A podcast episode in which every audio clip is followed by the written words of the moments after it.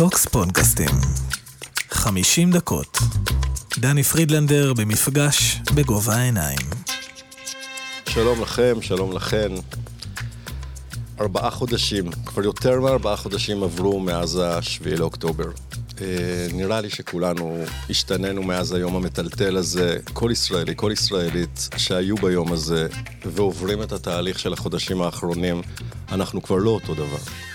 אני פוגש המון אנשים בתקופה הזאת, אני מדבר בהמון מקומות, אני מתראיין בהמון מקומות ואני מגיע להרבה פודקאסטים. ואני חושב שבמפגשים שלי עם אנשים אני שומע על אנשים שבורים, על אנשים בלי תקווה, על אנשים שהתייאשו, על אובדנים, על אנשים שאיבדו בתים וילדים וחטופים. אבל הפודקאסט הזה לא יהיה על המלחמה, והוא לא יהיה על חטופים, והוא לא יהיה על הרוגים, הוא יהיה עלינו, מי שנשאר פה ומי שחי את החיים בישראל של אחרי השביעי לאוקטובר. אמ, עשיתי הרבה מאוד פודקאסטים בשנים האחרונות, ובעיקר עשיתי את הפודקאסט שלי עם אה, יעל דורון. אה, באיזשהו שלב על הדרך קצת התפצלנו, וכל אחד הלך לדרך שלו, וכשחשבתי שהגיע הזמן שיהיה לי פודקאסט משלי, חשבתי שאך טבעי שאני ארצה לצאת לדרך בפרק הראשון שלי עם יעל דורון, שתיתן לי את ברכת הדרך, שתושיט לי יד, שתשחרר אותי. ולכן, מי שנמצאת פה היום לפרק הראשון, והפעם בתור אורחת שלי ולא בתור שותפה, אהלן יעל דורון. היי דנוש. היי אלי. מרגש, נורא. כן, אה? כן, אה, זה קצת מרגיש לי כמו שני אחים שחיו באותו חדר ביחד כל השנים, ופתאום האח עזב את הבית והולך לדירה משלו. החליט גם שהוא הולך לדירה משלו, כן. כן, ועכשיו אני צריכה להתרגל לזה. אה, אני ממש מתרגשת ושמחה שהזמנת אותי להיות האורחת שלך. לא, לדעתי אני לא הזמנתי אותך, לדעתי אם לדייק באמת, כשסיפרתי לך שאני מתחיל פודקאסט אמרת לי... אז אמרתי שאני באה. את באה ואת האורחת הראשונה שלי, וגם אם, לא, אם זה לא מה שהתכוונתי שיקרה, זה היה לי ברור שאת באה לפרק הראשון. את יודעת למה אני צריך אותך פה? למה? קצת כמו ילד שהולך לגן וצריך להיות נגיד בלי אמא שלו, בלי אבא שלו, ולוקח איזה דובי, מה שנקרא... אני החפץ מעבר. את החפץ מעבר שלי. אני צריך אותך רגע בשביל... בשביל הביטחון של היום הזה, למרות שאני יודע לעשות פודקאסטים גם בלעדייך, ואני חושב שאני גם צריך ש... תשלחי אותי בשלום, כאילו, שכאילו תוציא אותי אל הדרך בטוב, שאני לא ארגיש אשמה, שאני לא ארגיש בוגדנות, שאני לא ארגיש שזה לא בסדר, שאני לא ארגיש קנאה, ש... מצידי, מצידך, אני, שאני בכלל חושב שכל הנושאים האלה זה הכל דברים שדיברנו עליהם כבר, נכון? נכון. אני חושבת שבחודשים האלה במלחמה באמת אה, קיבלתי כל כך הרבה פרקים של פודקאסטים שהתארחת בהרבה מקומות, אה, אבל עכשיו אתה קצת חוזר, אתה חוזר לפוזיציה של להיות המארח. של בעל הבית. בעל הבית, וזו כן. פוזיציה מאוד קשה, ועם הרבה אחריות להחזיק את זה. וגם להביא אה. אורחים כל שבוע, שזה מפגיש אותך. אם זה כמו להיות uh, ילד שמציע לילדה לבוא איתו למסיבה, אתה מקבל כל כך הרבה rejection ים, ואנשים שלא עונים לך, ואתה נעלב, ואנשים שאומרים לך אני כן רוצה ואתה מופתע, זה מפגיש אותך עם כל זה הקשת. זה קצת כמו dating, אתה יודע, זה אה. בעצם לבקש, אה, לשאול מישהו האם אתה רוצה להיות איתי, האם אתה רוצה לבוא לדבר איתי, האם זה מעניין אותך, האם זה חשוב, אה, האם אני מספיק מעניין ומושך, וזה באמת נורא מזכיר את הסצנה הזו של ה dating, שאנחנו יודעים שהדבר שהכי מפחיד בה, זה החרדה של הדחייה. זה הדחייה, זה שאתה, תג... שאתה תיגש, נכון, פעם דיברת על ויגש, נכון? שאתה תיגש אל מישהו או למישהי, ואו שהם יגידו לך לא, ויש ריאקציה יותר גרועה, לי, תאמיני לי, זה שלא עונים לך. שזה גם מפגיש אותך עם איזו שתיקה רועמת, כמעט קצת כמו ghosting, כאילו זה... אצל הומואים יש גם blocking באפליקציות שפשוט חוסמים אותך. אה, וגם אתה לא סתם מבקש משהו ממישהו, אתה לא, אני לא מבקש ממך בואי לרקוד איתי, אני אומר בואי, תעשי את המאמץ, תבואי לפה, תבואי אליי, תפני לי זמן. אה, מי שלא יודע, פודקאסטים הם לא בתשלום, זה המקום שיש בו הכי מעט כסף, אז אתה גם לא משלם לאנשים שיבואו, זה לא זמן עבודה, אתה בעצם מבקש שבחסדם הגדול יבואו להיות איתך. אבל אני רוצה להציע לך דווקא פרשנות אחרת, דרך אחרת לראות את זה. אני אוקיי. היום באתי אליך, נסעתי לרמת השרון, יצאתי בגשם, עמדתי בפקקים, וממש ממש שמחתי שהולכת לפגוש את החבר שלי, כן. שהוא מתחיל דרך חדשה, שאני נורא גאה בך. אני מרגישה שאני יודעת איך תעשה את זה, אתה כזה פרופשיונל, אתה תעשה את זה נורא מקצועי, ואתה תמיד שם את הלב שלך, וזה Mm. יהיה נורא אישי. ואני חושבת שאנשים שיבואו לדבר איתך, הם יקבלו את מה שתמיד מקבל מי שמדבר איתך, וזה יקבלו חתיכה מהלב שלך, והזדמנות. להוציא מהלב שלהם. אפשר להיות סוכנת שלי? או סתם חברה שלי, איזה כיף לשמוע את זה. זה גם, זה מרגש אותי, כי אני חושב שביחסים שלנו, בפרידה שעשינו בחתונה ממבט ראשון, בזה שאני הלכתי ואת נשארת, ואת כבר מצלמת עוד עונה, נכון? אתם בדרך לעוד עונה, ואז גלעד החליף אותי, וזה מעורר כל כך הרבה מקומות, כל כך הרבה שדים, כאילו של...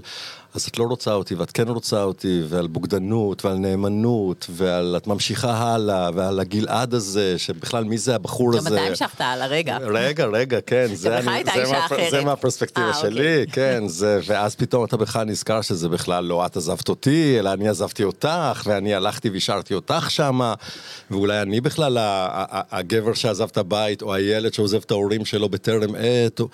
ואני חושב שכל פעם שאנחנו נפגשים מאז, כאילו הכל נרגע לי, אני יודע שהכל בסדר, כי יש איזה משהו בחברות אמיתית, בקשר אמיתי, באהבה, נו, את יודעת שאולי נגיד למאזינים ולצופים, זה ולנטיינס היום, זה יום אהבה, חשבת על זה נכון. שאת יום האהבה את מבלה איתי בבוקר? לגמרי חשבתי על זה, שאין כן. ראוי מזה מלבלות את יום האהבה פה, ביחד עם הברווזים שסידרת פה של חתן וכלה. כן, כן, וכן, אז אני חושב שהאהבה, לא משנה אם היא רומנטית, או של קולגות, או של חברים טובים, היא נשארת, היא לא תלויה בזמן, היא לא תלויה במקום. אני גם חושב אם לחבר את זה קצת למציאות שכולנו עוברים, תכף נדבר קצת על התקופה הזאת בקונטקסט שלך ושלי, של הדבר הזה שקורה לנו, לכולנו, של ישראל החדשה, של ישראל שמאז השביעי לאוקטובר, של ישראל השבורה. בסוף בסוף מה שמחזיק פה את כולנו זה שאנחנו אוהבים את המקום הזה, mm-hmm. אוהבים אחד את השני, ואתה רואה כמה, כמה חיבור וכמה לב יוצא לאנשים בתקופה הזאת אחד כלפי השני, וכמה תמיכה, ובסוף אתה מבין שבית, והבית הזה שלנו, גם אם הוא עבר טלטלה וכמעט כאילו, ועבר אסון, אנחנו בית שעבר אסון, בסוף בבית זה המקום שאתה מרגיש בו הכי אהוב והכי אוהב. ונראה לי שזה מה שאני מרגיש איתך הרבה פעמים בבית. אני גם מרגישה איתך ככה, ואני חושבת שזה נכון החיבור שאתה עושה לישראל. אני מרגישה שבחודשים האחרונים מאוד התחזקה התחושה הזאת של הבילונגינג, השייכות כן. למדינה, לעם. הרי להיזכר איך היינו לפני כמה חודשים, אנחנו ממש היינו על סף קריסה. היה, השסע החברתי היה בלתי נסבל. המון מטופלים אני שלי. זוכר שאני ואת כמעט היינו בשסע על הדברים האלה, שהיה לנו אי הסכמות גם על, על, נכון, על כן אם עושים להפגין ולא הידברות בין להפגין. ימין לשמאל, וכן, ועל הפגנות. נכון. נכון. אנחנו באמת, אה, אה, גם הרבה מטופלים דיברו איתנו אז על השאלה אם להישאר בארץ, אם יש בשביל מה להישאר, מה העתיד של המדינה. והיום אנחנו לא שומעים את השאלות האלה יותר. אנשים מדברים בכלל במוזיקה אחרת. נכון, זה גם הרבה יותר ברור שזה הבית בכל מקרה, גם מסתכלים נגיד סתם על אנטישמיות בחוץ, על מה קורה שם בעולם, אתה מבין ש, שפה זה הבית. וגם אתה יודע, חשבתי השבוע שהמילה רעות, שזו מילה שבערך ב-73 הפסיקו כן, להשתמש זה בה, כבר לא מילה, זה מילה של פעם. אני חושב שהצעירים אפילו לא יודעים מה זה. אז 50 שנה אחרי זה, ובאמת אחרי השביעי לאוקטובר, פתאום הערך הזה של הרעות מאוד מאוד חזק. כל האנשים שיוצאים למילואים מדברים על זה, על מה קורה שם בעזה, מה קורה בצפון, איזה, כן. כמה אנשים נותנים אחד לשני. אנשים ו- שרוצים, שיוצאים הביתה, אני מכיר מילואימניקים מהמשפחה שלי ומכל מיני שהיו בעזה מעל שלושה חודשים. הם יוצאים הביתה ל-48 שעות, והם רוצים לחזור. לא לעזה ולא ללוחמה, הם לא כאלה אה, אה, מורעלים, הם רוצים לחזור לחברים שלהם. הם אה, השאירו את הלב שלהם שם, את הנאמנות שלהם שם. כן, רעות, מילה יפה. ספרי קצת, ספרי קצת עלייך במלחמה הזאת, במה התעסקת, מה את עושה, מקצועית, אישית, איפה את? קודם כל, קרה לי משהו בשביעי לאוקטובר שנורא הפתיע אותי, כי אני יודעת על עצמי שאני מאוד מתפקדת טוב באסונות. זה קרה כמה פעמים, כל בן אדם יודע איך הוא כן. בעיתות צרה, ואני מכירה את עצמי שתפקוד זה מעל הכל. אבל בשביעי לאוקטובר לא תפקדתי, יודע מה היה צריך לתפקד, כן, כן? כן. אבל הייתי תקועה מול הטלוויזיה מ-6 וחצי בבוקר ועד הבוקר ב- למחרת, לא קמתי. היית בקיפאון, יש fight, לא אכלתי. fight, flight, ואת ה freeze, אני נכון? הייתי ב freeze. את ב freeze, לא כן. אכלתי, לא נשמתי, לא דיברתי בטלפון עם אף אחד, הייתי קרובה לילדים שלי, הם הזכירו לי השבוע, אני בכלל שכחתי מזה שאני יצאתי להביא אותם, הרי הילדים שלי כבר לא בבית. כן. הלכת להביא אותם אלייך? ואתה יודע ששכחתי מזה? שכחתי שחשבתי שהם היו שם. הם אמרו לי, אמא, לא היינו שם, את יצאת והבאת אותנו. אז באמת כנראה היה איזה רגע כזה שיצאתי יצאת, והבאתי את כן. הילדים. עם האבזה הלכה לאסוף את כל הבלבזונים. וישבתי איתם מול הטלוויזיה, לא קמתי לעשות פיפי אפילו, מרוב שהייתי תקועה בטלוויזיה ולא יכולתי לתפקד. כי מה קרה לך? אני באמת חושבת על הדבר הזה של פריז, זו תופעה שהרי הפסיכולוגים מדברים עליה, והיא, היא- הרי אנחנו לוקחים את התופעה הזו מבעלי חיים, נכון? נכון. אנחנו מכירים את הצבי הזה שרץ לכביש ועומד מול הפנסים. ובמקום לברוח, כן, הוא כן. נדרס כי כן. הוא קופא. ואנחנו יודעים שהתופעה הזאת היא קיימת גם אצל בני אדם, וזה תמיד נורא משונה. אתה תמיד אומר, אם יקרה לי משהו כזה, אני לא אקפא, אני או אברח, או זה באמת אלחם. זה התגובה האבולוציונית הכי לא טובה שיש, נכון? אתה, כשאוטו בא לדרוס אותך, הדבר האחרון שאתה צריך לעשות זה לקפוא מולו. נכון, וזה מה שקורה לחלק מהאנשים במצוקה, הפריז הזה, זה גם קורה בזמן קרב, זה יכול להיות מאוד מאוד מפחיד, ובאמת זה מה שהיה לי ביום הראשון, ואחר כך, אחרי יום חזרתי להיות מי שאני מכירה, ובאמת התחלתי לרוץ. ואז חזרת להיות הפסיכולוגית. זה לא רק הפסיכולוגי, אני חושבת שקרה לי משהו שקרה להמון אנשים בעם ישראל, אנחנו הרגשנו שאנחנו חייבים לעשות משהו, אז לא ידעתי מה לעשות, אם זה לעמוד בתור לתרומות דם, שעמדתי שלוש שעות ולא תרמתי כי אין לי סוג דם. שוב היית בפריז. כן, ואם זה לארוז אה, ארגזים עם אה, אוכל וציוד לחיילים, ואז לרוץ למפונים, ואז התחלתי ביחד באמת עם כל הפסיכולוגים והעובדים הסוציאליים בהתנדבויות אינסופיות שקשורות למלחמה. אה, ופגשתי המון אנשים, כמו שגם אתה פגשת, כולנו פגשנו. אה, בגלל שאני מנחה קבוצות, אז עבדתי הרבה בקבוצות. עם האנשים המפונים, עם אנשי תקשורת, עם כל מי שבקו הראשון והקו השני. ובסוף התברר שהרי כולנו בקו השני. אין. בן אדם במדינת ישראל שלא קשור באיזושהי דרך. אה, ופגשנו משפחות של חטופים ומשפחות של אה, מילואימניקים, והתחלנו לעבוד איתם, ואחרי זה לעבוד עם המילואימניקים שחוזרים הביתה. בעצם זה never ending story, אנחנו בתוך זה כל הזמן. ולא נשחקת, וזה להחזיק המון, אני יודע את זה מעצמי, גם זה להחזיק המון כאב, המון רשע, המון חרדות של אנשים, ואנחנו באופן אישי מכירים גם משפחות של חטופים, ומטופלים שלי שהיו חטופים, ואתה בא ואתה עושה תמיכה בקבוצות, ואת עבדת עם מפונים גם, זה לא גמר עלייך? זה לא שחק אותי, אבל אני חושבת שההסבר הוא דווקא לא כזה משהו שאני מתגאה בו. אני חושבת שאני ועוד רבים אחרים, אנחנו סובלים מאשמת הניצול. כל האנשים שבאמת המזל שלהם כזה טוב, שאין לי אף אה, אנשים מקרבה ראשונה שנפלו בשבי, או עכשיו נמצאים בעזה, או נהרגו. גרו בעוטף, או נהרגו. אני מרגישה ברת מזל, ואני מרגישה שאני צריכה לעזור לאחים ולאחיות שלי שכן נפגעו.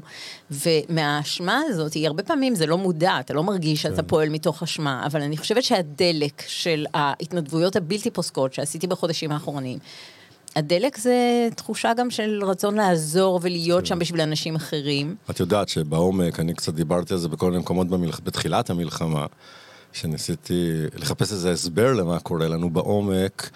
כל ההתנדבויות האלה וכל העשייה הזאת שאת, אני, הרבה אנשים עשו, גם לא רק מטפלים, גם אנשים שהם, שזה לא העבודה שלהם. אני חושב שהדבר הכי בלתי נסבל בשבילנו זה להרגיש חוסר אונים. וזה נכון. מה שהרגשנו בשביעי לאוקטובר, ואנחנו אני נעשה לא הכל, נשחקת, הכל בשביל בדיוק. זה. אני לא כן. נשחקת כי אני, זה עוזר לי להרגיש שאני עוזרת וש, ועדיין יכולה באיזושהי צורה להקל על אחרים, זה נורא מציל אותנו, ובאמת זה מדהים כמה הזהות המקצועית והאישית שלי, הכל קשור ביחד, ואני כן. באמת מרגישה שזה שומר עליי כרגע, שאני יכולה לעזור לאנשים אחרים. כי לשבת בפריז, כמו שישבת בשבעה לאוקטובר, זה היה נורא, זה חוויה זה היה נוראית. מוריד אותך למטה וזה היה גומר עלייך, זה היה משתק אותך, ואני חושב שמהר מאוד התעשתת, ומה, הלכת לתרום דם על היום הבא, כן. ובשמיני לאוקטובר, וגם שם הבנת שאת לא כל כך צריך אותך, גם שם פתאום שמו אותך בפריז בתור. אני חושב שההבנה שאתה יכול לעשות משהו, גם אם זאת אשליה, גם אם זה לא ממש עוזר לשום דבר, היא, היא עדיפה בכל מקרה על להרגיש חסר אונים. אני בכלל חושב שחוסר אונים מפגיש אותנו, זה כמעט כמו למות. יש בזה איזו אימה בלהיות חסר אונים, וזאת הדרמה של השבעה לאוקטובר, שכולנו נכון. היינו חסרי אונים. נכון. אה, ואז מתמלאים באמת בייאוש, במין רגשות כאלה שאתה בכלל לא רוצה לפגוש בתוך עצמך. ולעומת זאת, אם אתה עושה, אפילו אם אתה עושה משהו קטן, ואתה לא מציל את כל המדינה, אבל כל דבר קטן מכניס תקווה. ותקווה זה כוח נורא חזק, שבחודשים האחרונים אני מרגישה שכולנו מחפשים אותו. נכון. אבל אני רוצה להגיד לך שפתאום, תוך כדי החודשים האלה, התחילו לדבר על זה שחוזרים לצלם את חתונמי, ואנחנו וואו, מתעוררים... מאיפה זה בא? זהו, אנחנו מתכוננים לעוד עונה, ובימים האלה אנחנו מזניקים את הצילומים לעונה הבאה, וזה בהתחלה היה נשמע ממש הזוי. איך אפשר בתקופה כזאת לצלם עונה חדשה של חתונה? מי ירצה להתחתן? היה לך אשמה גם? הרגשתי שזה קצת כמו גילטי פלז'ר, או אולי אפילו, הייתי אומרת, איזה אסקפיזם. יש לי שאלה בחודשים האחרונים אם אסקפיזם זה טוב או רע. זה מין מילה, זה מילת גנאי בדרך היא כלל, הייתה אסקפיזם. עד היום מילה, כאילו זה כזה של אתם אסקפיסטים, אבל אני חושב שבעיניי אסקפיזם זה חלק מחוסן. זה חלק מהיכולת שלך לא רק לשקוע ולטבוע עמוק עמוק בבוץ התובעני של מה שקורה, אלא לנסות ולצאת החוצה. ואסקפיזם מאפשר לך רגע, וזה קצת בעיניי חלק משפיות היום, גם לחשוב על קדימה, לעשות עונה חדשה של חתונמי, גם אם זה נראה קצת הזוי ולא קשור, זה להגיד, יהיה עתיד. אבל יותר מזה, זה לא רק אסקפיזם. עכשיו אני פתאום חושבת, אחרי שכבר התחלנו לעשות את זה, אז אני אומרת, רגע, אבל למה זה בכלל אסקפיזם? לחשוב על אהבה. לחשוב על זוגיות, זה לחזור לעסוק בדברים שבאמת חשובים לנו, זה לא בריחה ממשהו, אלא זה באמת אה, יצירה של דברים שהם אה, הכי חשובים לנו, בסוף זוגיות ומשפחה. אה, הביקוש לאהבה לא נגמר אף פעם, ומסתבר שבמילואים ובצבא ובעזה כן. הוא רק מתגבר. נכון. יש הצעות נישואים בכל רגע שבן אדם, שאנשים יוצאים הביתה, יש חתונות בתוך, הייתי מעורבת בכל מיני חתונות כאלה. חתונות בתוך הצבא ובאמצע המלחמה, אה, ויש המון אנשים שאומרים שקשה להם שהם חוזרים הביתה. ואין להם למי לחזור. אין מישהו שמתגעגע אליהם, כי יש גיל שזה כבר לא מספיק לך שהשארת בבית הורים ואחים. או כלב. אתה רוצה בת זוג, כן. נכון. אתה רוצה בת זוג, אתה רוצה זוגיות, והביקוש לאהבה באמת מתגבר בתקופות כאלה. אנשים מרגישים מאוד בודדים, והם אמרו לנו, אנשים שהגיעו השנה, שהם לא היו מגיעים בשנים קודמות. אבל משהו ב... באקלים של ישראל 2024, הביא אותם לפנות גם, ולחפש גם אהבה. שטחנות זה הדבר בתקופת המלחמה, זה לא רק אה, כבר יעל מחתונמי עושה שידוכים. דני קושמרו עושה שידוכים, כולם קושמרו, עושים נפתלי שידוכים. בנט, אה, כולם עושים שידוכים, ואני חושב שזה קשור ב... בדבקות בחיים. אני בכלל חושב שאנשים צריכים אהבה בבית, כי האהבה הזאת גם הסיבה, על, על זה אנחנו, בשביל זה ממש. אנחנו יוצאים להילחם. נכון. על זה אנחנו מגנים, כשאומ- על- מה זה בית? מה זה הבית הזה שכולנו מגנים עליו? מה זה הבית הזה שפרצו לתוכו וחטפו ממנו אנשים? זה המקום שבתוכו... מתרחשת אהבה, זה המקום שבתוכו עושים יחסים, זה המקום שאתה בונה בו כן, ומי שאין לו אחד כזה במלחמה, אין לו סיבה מספיק טובה להילחם. Mm-hmm. אנחנו לא נלחמים על הגדר, אנחנו נלחמים על הבית. זה דבר אחד. דבר שני, אפרופו אסקפיזם שחשבתי כשדיברת, אני, לאחרונה אני מקבל כל מיני טלפונים להרצאות, פונים אליי ואני אומר, אתם רוצים? יש לי הרצאה שיצרתי במלחמה, אתם רוצים שאני אדבר קצת על טראומה, אבל תקווה אומרת לי, לא, לא, לא, לא, לא, לא, לא טראומה ולא תקווה, אנחנו רוצים הרצאות על אהבה. וזה מהשבועות האחרונים, זה לא היה קודם, יש פה איזה גלים כאלה נכון. שמשתנים נורא אף אחד לא רוצה לשמוע יותר על טראומה, אל תדבר איתנו על מפלצות ואל תדבר איתנו על החמאס, אנחנו רוצים שתבוא לדבר איתנו על אהבה. שזה תהליך שהוא בעיניי בריא וחשוב והכרחי, ואם לא יהיו לנו שמחות וסיבות בעצם לחגוג, אז בעצם באמת חמאס ניצחו אותנו. מהצד השני, זה נורא מפחיד אותי. כי זה מפחיד אותי שנשכח את החטופים, זה מפחיד אותי שאנחנו כן. נת, נתקהה, מפחיד אותי שאנחנו יותר מארבעה חודשים כבר בתוך המצב הזה, והמצבים הכי איומים בחיים, אנשים מתרגלים אליהם. נכון. אני לא רוצה שנתרגל, לא רוצה שנתרגל שקרה השביעי באוקטובר, את אני לא לא רוצה רוצה. שנתרגל שיש חטופים, אני לא רוצה שנתרגל ש... שזה מה שכתוב בדפי ההיסטוריה האופציה, עכשיו. כן? את לא רוצה שגרת מלחמה. Mm-hmm. את רוצה לחזור לשגרה של פעם, mm-hmm. אבל את לא רוצה שגרת מלחמה, ואני מבין אותך מאוד, ובא לי לשאול אותך אם את חושבת שבכלל המשאלה הזאת לחזור לפעם היא פנטזיה, הווה אומר, זה לא יקרה, או שזאת איזו משאלה לגיטימית ואנחנו נחזור לפעם. זו שאלה שהרי הרבה פעמים בטיפול זוגי אנחנו מתעסקים איתה, נגיד אם מגיע זוג אחרי בגידה. אז הרבה פעמים אחד מבני הזוג אומר, בוא נחזור לפעם. ואני תמיד אומרת, אבל לא יהיה. פעם, די. אתם חיים עכשיו עם הסיפור הזה, שהייתה בגידה, אי אפשר לחזור לפעם. זה כמו נהר שאתה יוצא ממנו שאתה לא יכול להיכנס אליו פעמיים, נכון? יש את את הפתגם הזה, אי אפשר להיכנס לאותו נהר כן, פעמיים. מה הכוונה? אתה שונה, הנהר שונה, משהו בקונטקסט השתנה. הקונטקסט שהוא מושג נורא נורא חשוב, כי הקונטקסט של השביעי לאוקטובר זה חתיכת קונטקסט, שגם אם הכל יעבור וכל החטופים ישובו הביתה, ההרוגים לא ישובו הביתה, הבתים השרופים אולי יבנו חדשים, אבל הם לא ישובו להיות. נכון, הצלקות שלנו כחברה. ואתה יודע, בימים הראשונים אחרי המלחמה, אני ממש אה, דיברתי עם הילדים שלי ואמרתי להם שאני מצטערת ומתנצלת. את משאירה להם כזה עולם? שזה מה שקורה להם, כי אני קצת חשבתי שזה לא, שאין להם, לא יקרה להם הדבר הזה. Mm-hmm. לנו היה את זה, אנחנו הילדים שחיינו בימי, ביום כיפור, אה, במלחמת לבנון הראשונה, אנחנו, זה הילדות שלנו. אה, זה מסגיר את הגיל שלנו, דנוש. שלך, שלך. אבל גדלנו בשנות ה-70 וה-80, אנחנו עברנו את המלחמות האלה, ו- ואני חשבתי שלא תהיה מלחמה כזו ארוכה יותר, ושלא תהיה מציאות כזאת נוראית. ופתאום לילדים שלי יש גם סיפור עכשיו בחיים שלהם, של המלחמה הזאת. וזה נורא. על, נגיד, על ההורים שלנו, מי שעוד בחיים, זה כבר צריך להיות אנשים מאוד מבוגרים, אבל שחלקם הם ניצולי שואה, למשל. כאילו, נכון. אבא שלי הוא לא, כבר לא בחיים, אבל הוא בעצם היה סוג של ניצול שואה, וזה אנשים ששרדו את השואה, או היו שם כבר בתור ילדים. אנחנו לא חשבנו שנהיה בדבר הזה. כן. הם אלה שבנו את המדינה, והם כאילו הגישו לנו על מגש הכסף. עם כל הקרבות שהיו, הם הגישו לנו את המדינה. ו- וקצת אני חושבת שהם חש- קיוו שאנחנו לא נצטרך. נכון, כשהיינו קטנים אז היה את המשפט הזה, עד שתגדל כבר לא יהיה צבא. כן. ואנחנו כבר לא אה, הבטחנו את זה. חשבתי, אם לא תאכל יבוא שוטר, אוקיי. נכון, פעם אמרו את זה. נכון, נכון. לכם לא יהיו צבא כבר, כן, כן. והיום כבר לא אומרים את זה. נכון. אנחנו בעצם מבינים שאנחנו עם שיושב על חרבו. בעצם את. אומרת במילים אחרות, המשאלה לחזור ללפני השביעי באוקטובר היא זה- פנטזיה. נכון, זה פנטזיה. ואני חושב בכלל שנורא קשה לחזור למה שהיה פעם, ואני חושב רגע עלייך ועליי, אני מחזיר את זה לפה ואלינו. אוקיי. אני חושב שאנחנו נורא מתרגשים להיות פה היום, אבל בעצם אני יוצא לדרך חדשה, ואת ממשיכה בדרכך שמבחינתי זה כבר לא הדרך שלי. ואני חושב על כמה הרבה פעמים ביחסים בין אנשים רומנטיים ולא רומנטיים, נורא רוצים לחזור למה שהיה קודם, אמרת על זוגות בבגידה, אתה פוגש בקליניקה זוגות שעברו איזשהו שבר, לא חייב להיות בגידה, גם מחלה, גם פיטורים. והם גם הם- ושינויים טובים. כן. אחד עשה אקזיט, מי נכון. שהתקדמה בתפקיד, משהו כזה. ואז אתה אומר, הם באים לטיפול והם אומרים, מה שאני רוצה זה לחזור למה שהיה קודם, ללפני שבגדת בי, ללפני שהיית חולה, ללפני שהייתה תאונה. ואני אומר כאילו, אולי גם אנחנו עברנו, אנחנו כבר יותר משנה, זה כבר עוד מעט שנתיים מאז הפיצול שלנו בחתונה עם מבט ראשון, ואת כבר עשית דברים, ואני עשיתי דברים, ואני אומר, אולי זה שהבאתי אותך לפה היום, זה, זה פנטזיה. אני לא התבלבלתי כשבאתי הנה. בסדר, את, את תמיד פחות מתבלבלת ממני. לא, אני, אני הבנתי את זה שאני באה להיות האורחת שלך בפודקאסט שלך. אגב, חשבתי שזה יעשה לך הרבה יותר קשה. כן.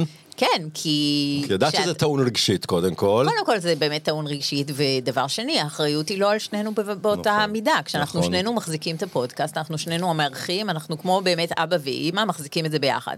אבל עכשיו אתה המארח ואני האורחת. וזה, ואת את יכולה... אתה צריך לעבוד בזה. מאחור. ואת יודעת, קצת שאלת אותי אתמול בערב, התכתבנו, עוד היום בבוקר שהיית בדרך, שאלת אותי על מה נדבר, על מה נדבר, והמארח הזה, כאילו האיש הזה שמייצר לעצמו איזה פודקאסט, ואני עוד אפילו לא כך יודע מה הוא יהיה ואיך הוא יהיה, אחד הדברים שאני רוצה... זה לבוא לפה, יש פסיכולוג מאוד ידוע שאנחנו כולנו מכירים, שנקרא ביון, שאומר לבוא, לבוא לכל פגישה טיפולית without memory and without desire, בלי זיכרון ובלי תשוקה. הכוונה היא לא לזכור מה היה בפגישות הקודמות, ולא להשתוקק שיקרה משהו היום. ואני החלטתי לבוא לפודקאסטים שלי without memory and without desire, זה לא מאוד לדעת. יפה, ואני הבנתי את זה בשנייה שאמרת, ששאלתי אותך, תגיד, לא יהיה איזה שם לפרק? יש איך נושא? אתה רוצה לקרוא לפרק? יש נושא? ואז אמרת לי, נחליט בסוף מה יהיה השם של הפרק. נכון, ואני נכון. מאוד אוהבת את זה. כן. אני אוהבת את זה שאנחנו קודם מקליטים, ואז בסוף נבין מה היה, ואז ניתן לזה כותרת, וזה יהיה הפרק שלנו. תראי, צריך גם המון אומץ שלא לומר ביצים בשביל לבוא לפרק בפודקאסט ולא לדעת על מה תדבר. נכון. כאילו, עכשיו, יכול להיות שעלייך אני יכול לסמוך. אני לא יודע מה יקרה פה בשבוע הבא, ובאורח או האורחת הבאים שלי, אבל יש משהו אחד שאני סומך עלינו, על, על, החברות שלנו, על הזוגיות שלנו, על המומחיות שלנו ביחד, שלדבר ביחד אנחנו תמיד יודעים. אבל אני חושבת שזה באמת, אה, לבוא לפודקאסט אצל מישהו, זה באמת לסמוך עליו. נכון. ואני באמת מרגישה שההזמנה שלך, כשאתה מזמין אנשים להגיע אליך, זה באמת הזמנה לסמוך. לסמוך עליך, ולהסכים להישען עליך לשעה, להיות אורחים שלך באמת. להסכים גם שאני לא אקח אותם למקומות חשופים מדי, עירומים מדי, פוגעים מדי. אני... וגם בדרך כלל האורח מדבר יותר, אז הוא גם באמת, אה, הוא מבין שהוא יהיה יותר חשוף, והמארח ידבר פחות, אז יש איזה גם, הוא באמת אה, נחשף, הוא באמת כאילו מגיע למצב הסתכנות. כן. הוא צריך להיות מוכן לזה. ובכלל, לבוא למקומות without memory and without desire. זה פנטסטי. זה נורא, אבל זה גם דורש המון, המון כאילו, לסמוך על התהליך. אני הרבה חושבת על המשתתפים של חתונמי, שהרבה פעמים אנשים שואלים אותי, מי זה האנשים האלה? איזה מין אנשים כן. באים? ותמיד שאלו את זה, גם אותך בטח עד נכון. היום שואלים. זה אנשים מאוד אמיצים, זה אנשים שבאמת צריכים לסמוך, לסמוך על התהליך, לסמוך על האפשרות של עצמם להתנהל בתוך תהליך עם כל כך הרבה חוסר ודאות. ולסמוך זה תכונה נורא חשובה, שהיא קשורה הרבה פעמים בעבר שלנו, באיזה הורים היו לנו, האם אנחנו אנשים שסומכים על העולם או חשדנים. בוא נגיד, אנשים מאוד חשדנים לא יבואו לתוכנית כזאת לא, שלך. לא. את מדברת על התקשרות בעצם, על הביטחון בעולם, שהעולם הוא מקום בטוח ולא מסוכן, ושאתה יכול לסמוך על, על האובייקטים שלך, לצורך העניין, על זה שמזמין אותך לפודקאסט, או אלה שעושים לך את התוכנית בחתונה, מהעורך דרך הפסיכולוגים. אתה יכול לסמוך עליהם שהם עשוי, עסוקים בעשייה טוב, הם לא יפגעו בך, הם לא ישתמשו בך. וגם שאתה תיפול על הרגליים, שאתה, שיש לך, את, אתה צריך לסמוך גם על עצמך, שיש לך את היכולת להתנהל בתוך מצב שלא הכרת אותו קודם. ואם ניקח את זה שוב ללאומי, ושוב mm-hmm. לשביעי לאוקטובר, mm-hmm. שלא משנה מה יקרה, בסוף אנחנו, נח, אנחנו לא נחזיר למה שהיה, אבל אנחנו נמצא דרך ללאחות את השברים, שיהיה בסדר. אמ, אבל אני חושבת שגם אנחנו נוגעים פה במשהו שמסביר למה השבר היה כל כך גדול. בגלל שאנחנו מדינת הסמוך, ולסמוך זה קצת איזושהי תכונה ישראלית. אנחנו סומכים מאוד על עצמנו, על הצבא, על כן. הממשלה. הקונספציה הייתה קצת מעולמות של לסמוך. ושאנחנו חזקים. אנחנו שמחנו קצת, יותר כן. מדי. יותר מדי שמחנו על עצמנו, ופחות מדי הערכנו את האויב. זה היה חלק מהדבר הזה, ויכול להיות שדווקא עכשיו, אה, אנחנו תכף מגיעים לשלב החקירות, לשלב התחקירים. אנחנו נורא שמחנו על ההורים, שמחנו על כן, הממשלה, שמחנו כן. על הצבא, ואנחנו פתאום צריכים לשאול את עצמנו, אפשר לסמוך על ההורים? ובאמת קצת אני הרגשתי בימים הראשונים, היה לי דימוי כזה שמדינת ישראל מתנהגת קצת כמו ילדים שההורים שלהם לא מתפקדים. וילדים שההורים שלהם לא מתפקדים, הרבה פעמים הם מתפקדים מצוין. נכון, זה ילדים נכון, שורדים, נכון. זה ילדים עם המון תושייה, עם המון יכולת להגן על עצמם, הם שורדים מקצועיים, זה הרבה פעמים, אה, זה נורא כואב, אבל בסוף הם, הם אנשים שאחרי זה נורא מצליחנים, אנשים כאלה, כי אין להם ברירה, הם צריכים להציל את עצמם. וקצת זה מה שהיה, בימים הראשונים הרגשתי, אין ממשלה, אין צבא, ואנשים פשוט לקחו את עצמם, והלכו והתנדבו, ועשו איזה מין משמרות לאומיים כאלה מטעם עצמם. היינו כן, ילדים בלי הורים. כן. וכל ההתארגנות האזרחית הזאת הייתה באמת איזה, מבחינה פסיכולוגית, באמת כאילו העם הרגיש כמו יתומים. יתומים שאין להם ברירה. זה מדהים, כי עכשיו שאני חושב עוד פעם על מה שאמרת, על מה קרה לך בשביעי לאוקטובר, את יושבת שם ואת קפואה, את המומה כמו כולנו, את בפריז. ואני, את, ואחר כך את הולכת להביא את הילדים שלך, את כאילו קצת חוזרת ללהיות אימא, ולמחרת, וכמה ימים אחרי, את כבר חוזרת להיות הפסיכולוגית והמטפלת mm-hmm. והמנחה הקבוצתית, mm-hmm. ואת חוזרת להיות ההורים. נכון. ופה היום, ואנחנו ככה די מתקרבים לדעתי לסיום, את... עכשיו אנחנו כבר לא שותפים, היום כאילו את באה להתארח בבית שלי, את באה שאני עוד קצת עוד צריך להרגיש בו בבית. תסתכלי מאחורייך, יעלי, זה הפודקאסט שלי, זה כל כך מוזר, זה נמצא לי מול העיניים, אני כאילו כל הזמן שואל, אבל איפה את בתמונה? קודם כל, אני מאוד אוהבת את השם של הפודקאסט שלך, 50 דקות. אה, יש ספר מפורסם שקוראים לו השעה בת החמישים כן, דקות, כן. שבעצם הרי חמישים דקות זה הזמן של פסיכולוגים, זה הזמן של סשן, אה, ותמיד אה, מטופלים שואלים למה חמישים דקות, וזה בגלל שאנחנו צריכים זמן, עשר דקות עד המטופל הבא לנשום, לעשות כן. פיפי, ולחזור ש... לעצמנו, וגם נכון? כי אנחנו צריכים, כי, כי כל דבר, גם לא משנה כמה עמוק וכמה רחוק תלך, בסוף הוא צריך להיות מתוחם בזמן. Mm-hmm. קצת כמו התקופה הזאת של מאז השביעי לאוקטובר, קצת כמו פרק בפודקאסט, קצת כמו החברות שלנו ש... והשותפות שלנו שהיה לה את הזמן שלה. את יודעת, לפודקאסט הזוגי שלנו קראו לצערי, נגמר לנו הזמן. בסוף הבדיחה הייתה עלינו, כי באמת היינו, כי, כי פשוט נגמר לנו הזמן בחתונמי. נכון. ואני החלטתי בטייטל של הפודקאסט החדש שלי, לא לשים גבולות, לא לשים צער, לא לשים, לשים את הזמן כמשהו מארגן, אבל לתת פה זמן לאנשים. אני חושבת שהרעיון של 50 דקות הוא רעיון קסום. מטופלים לומדים, בהתחלה זה קצת קשה. לומדים להתרווח לתוך החמישים דקות. אצל הרבה פסיכולוגים גם אין שעון, או לפחות יש שעון שרק המטפל רואה. המטופל בכלל לא רואה את השעון, הוא לא רואה את הזמן, ובכל זאת הוא יודע שיש מסגרת של חמישים דקות, שזה כאילו המון, אתה יכול לעשות המון בתוך חמישים דקות, נכון. אבל מצד שני, ברגע שאתה פותח את הדלת ונכנס לחדר הפסיכולוג, אתה גם יודע שבעוד חמישים דקות תצטרך לצאת. נכון. זה לא יחסים לנצח, זה לא, אתה לא, הוא לא בן משפחה שלך. לא חשוב כמה תרגיש קרוב אליו, ובאמת מערכות היחסים שאנחנו מייצרים עם המטופלים שלנו הן אינטימיות ועמוקות מאוד וחד פעמיות, ובאמת אה, שאין להם אח ורע. ועדיין, אחרי 50 דקות הם יצטרכו לקום וללכת ולשלם על הדבר הזה. אבל... זה מאוד מכאיב, אבל... הגבול. אבל הם גם יודעים שהם גם תמיד חוזרים בשבוע הבא. כי יש משהו בגבול הזה שהוא נורא בטוח. אני מרגישה שבתוך המונח 50 דקות אתה מחזיק בעצם עולם ומלואו של אתה יכול לעשות פה מה שאתה רוצה, אבל גם יש גבולות, והגבולות זה ההחזקה. הפסיכולוג מחזיק את הגבולות, כמו שאתה מחזיק את הפודקאסט. נכון. אני לא צריכה להיות פה המארחת. את אפילו לא יודעת כמה זמן, ואת לא צריכה שעון, ואת לא יודעת על... אין לי מושג, אני בלי שעון. ואת גם לא יודעת על מה נדבר, והנה, נכון. דיברנו. אז... אני רוצה אבל כן בסוף, אם מותר לילדה גם להציע משהו לאבא. בוודאי. אז אני רוצה לשאול אותך, אם זה פרק ראשון, מה אתה מאחל לעצמך, איזה סוג מפגשים, מה היית רוצה שיקרה בפודקאסט שלך? וואי, שאלה יפה. Uh, אני רוצה שהמקום הזה, הפודקאסט הזה, הפרקים שלי, יהיו מקום שהאורחים שלי יוכלו רגע לבוא, לפגוש את עצמם מנותק מכל מה שקורה בחוץ. עם קשר ובלי קשר למה שקרה במציאות של כולנו. אני רוצה שאנשים יוכלו רגע לבוא למפגש אותנטי. אני באמת מאמין שמה שאני יכול להציע לאנשים שיבואו להתארח ואחר כך שיקשיבו ויצפו בפרקים שלי, זה לראות משהו על אותנטיות, זה לא לפחד יותר מהצורך להיות חזקים כל הזמן, מהצורך להיות מצליחים כל הזמן. בא לי שזה יהיה נורא פשוט, נורא אותנטי, ובעיקר בגובה העיניים.